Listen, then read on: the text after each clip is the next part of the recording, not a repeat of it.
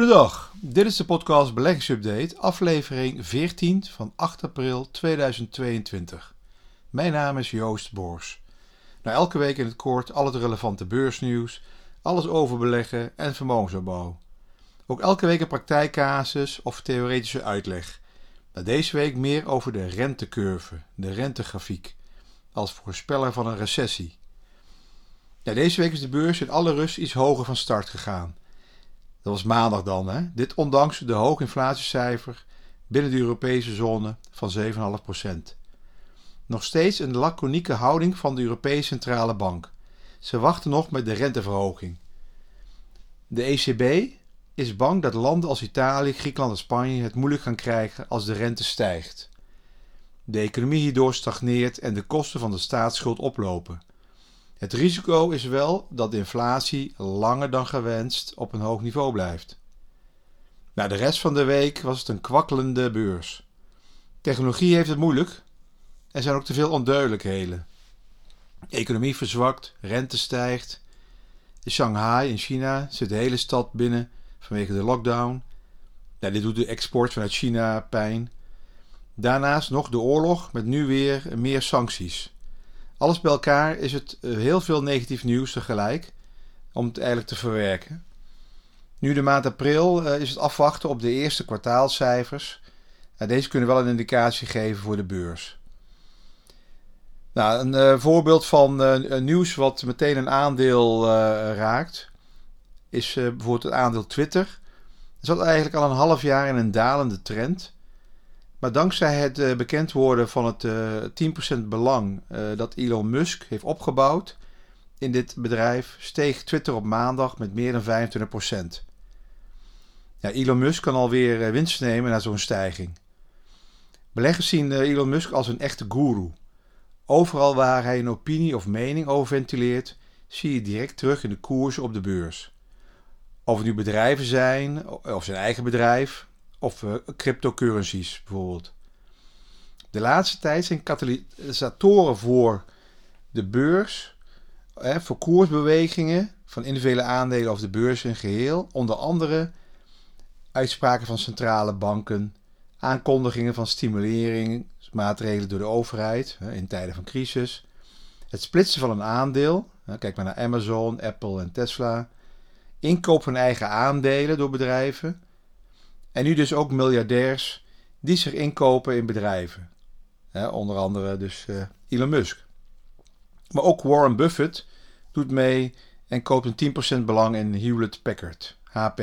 Nou, dat aandeel ging deze, gaat uh, vandaag of morgen ook weer uh, eh, 10% omhoog.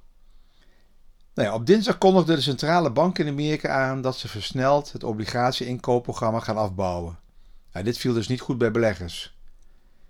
Sinds kort kijken obligatiebeleggers weer nadrukkelijk naar de yield curve. Dat zei ik in de inleiding van mijn uh, verhaal. De yield of rentecurve is de grafiek met verschillende looptijden van leningen. Deze week benaderde de tweejaarsrente een niveau van 2,4%, terwijl de tienjaarsrente ook rond dit niveau staat. Nou, dat is een belangrijke indicator voor de diverse stadia van de economische cyclus en het is een van de maatstaven die kan aangeven of een recessie aanstaande is. Simpel gezegd is de yield curve, dus de rentegrafiek, een manier om de verschillen tussen de effectieve rendementen van de diverse looptijden van staatsobligaties inzichtelijk te maken. Van eigenlijk drie, drie maanden schuldpapier tot aan 30-jarige obligaties. Maar de focus ligt doorgaans op obligaties met looptijden tussen de 2 en 10 jaar. Als de economie sterk is en de rente stabiel, dan beweegt deze yieldcurve omhoog. Dat komt op obligaties met een korte looptijd meestal lager renderen dan obligaties die langer lopen. Vaak is de eh, inflatie hierin geprijsd. Deze grafische vormgeving van rente kan je via Google makkelijk vinden. Er zijn hele leerzame plaatjes.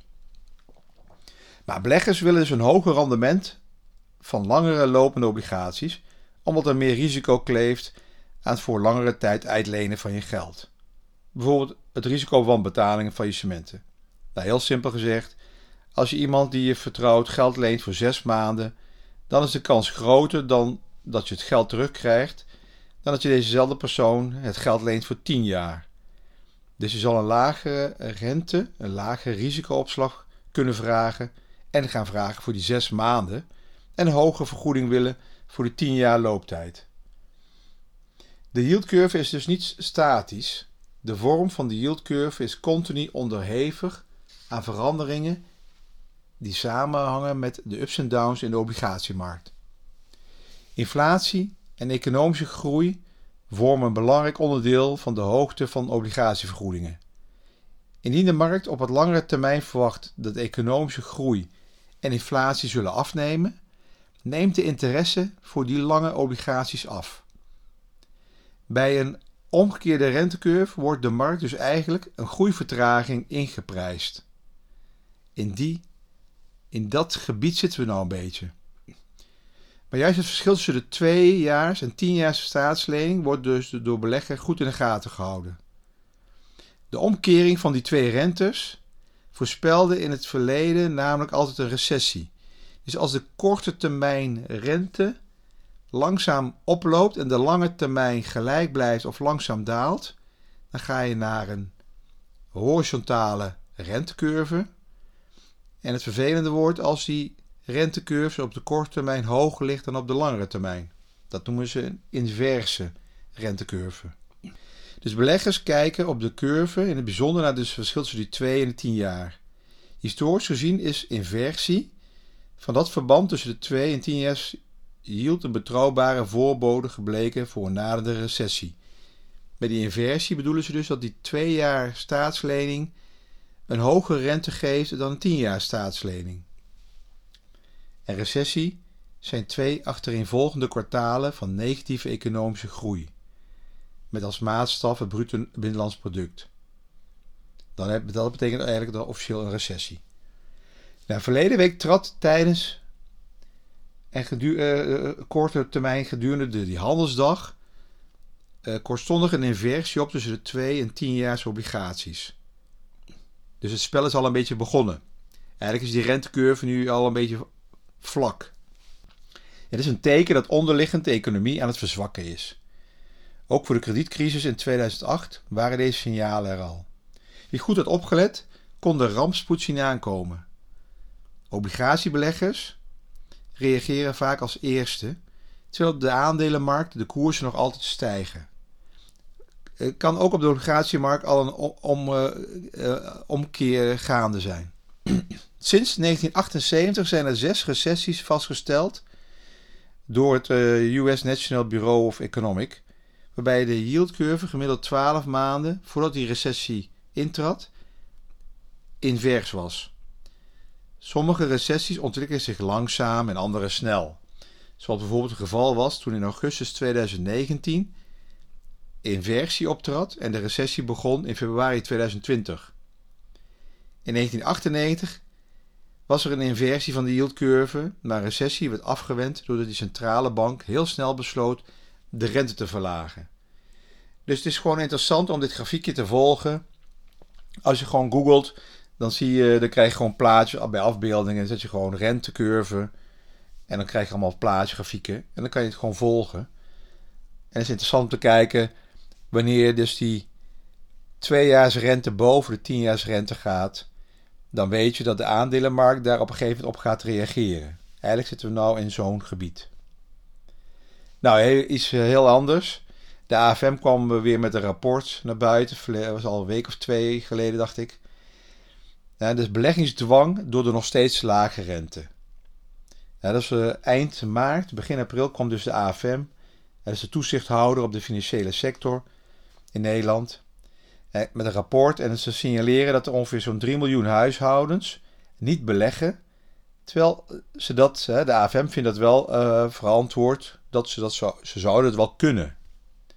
Veel Nederlanders hebben in de coronacrisis minder uitgegeven dan anders en daardoor meer geld op hun spaarrekening.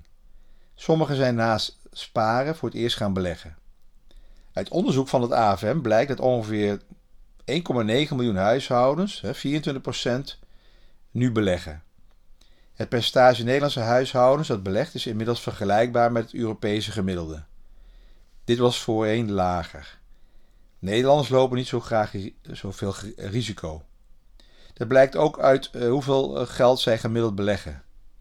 Hoewel Nederlanders, Nederlandse huishoudens de afgelopen jaren meer zijn gaan beleggen, blijft het belegd vermogen als percentage van het totale vermogen van huishoudens onder het Europese gemiddelde. Dit komt natuurlijk ook doordat sommige Nederlanders al vermogen opbouwen via pensioenregelingen. Dus eigenlijk is het ook niet helemaal vergelijkbaar. Nederland heeft een goede pensioenregeling opbouw via werkgevers. En pensioenregeling is immers ook een vorm van beleggen. Mogelijk hebben zij daardoor het gevoel dat zij hun geldzaken wel op orde zijn en dat ze er niet zelf actief mee aan de slag hoeven. Toch is dat meestal wel raadzaam, ook als je, zelf, uh, ook als je al pensioen opbouwt. Tegelijkertijd zijn er nog steeds veel Nederlandse huishoudens die helemaal niet beleggen, ondanks grote goeden op hun spaarrekeningen. De hoge inflatie die we nu te maken hebben en de lage rentes eten aan het spaargeld van niet beleggende huishoudens. Je kan steeds minder kopen met het spaargeld wat je aan de zijlijn hebt staan. Beleggen, indien het een positief rendement oplevert, zorgt in ieder geval dat het vermogen iets op peil blijft. De hoge inflatie en de lage rentes eten dus aan het spaargeld. Daardoor wordt beleggen relatief aantrekkelijk als alternatieve bron van rendement. Van de ruim 5 miljoen niet beleggende huishoudens waarnaar de AFM keek, hadden er 3,1 miljoen, na aftrek van een veilige buffer voor financiële tegenslagen, gemiddeld ongeveer 20.000 euro beschikbaar om te beleggen, terwijl ze dat niet deden. Dat scheelt gemiddeld al gauw honderden euro's rendement per jaar. Voor de berekening van de veilige buffer gebruikte de AFM de norm van de Nibud. Maar ja, ik denk dat voor veel mensen beleggen nog steeds een moeilijk begrijpbare materie is. Waar ook risico's mee kan worden gelopen. Als je voor het eerst gaat beleggen en het, en het eerste jaar sluit je negatief af, dat kan gebeuren door beursdalingen. Ik heb het vaak gezien dat mensen dan afhaken. Met als mededeling, ja zie je, beleggen is toch niks voor mij. Risicoaversie, onbekendheid en emoties spelen hier ook een belangrijke rol. Dus de AFM kan het wel schrijven, maar het blijft natuurlijk nog steeds voor veel mensen heel lastig om eh, te gaan eh, beleggen en risico's te lopen. En beleggen blijft je zo hele lange termijn goed gespreid en zorgen dat je de, uh, het risico neemt wat voor jou acceptabel is. Nou, allemaal moeilijk, moeilijk, moeilijk, maar ik heb er al vaker over geschreven. Dus moet je gewoon nog even terugluisteren. In ieder geval, uh, dank voor het luisteren. Alles op persoonlijke titel. Het is geen direct advies. En op basis eigenlijk altijd van openbare informatie. Tot de volgende week.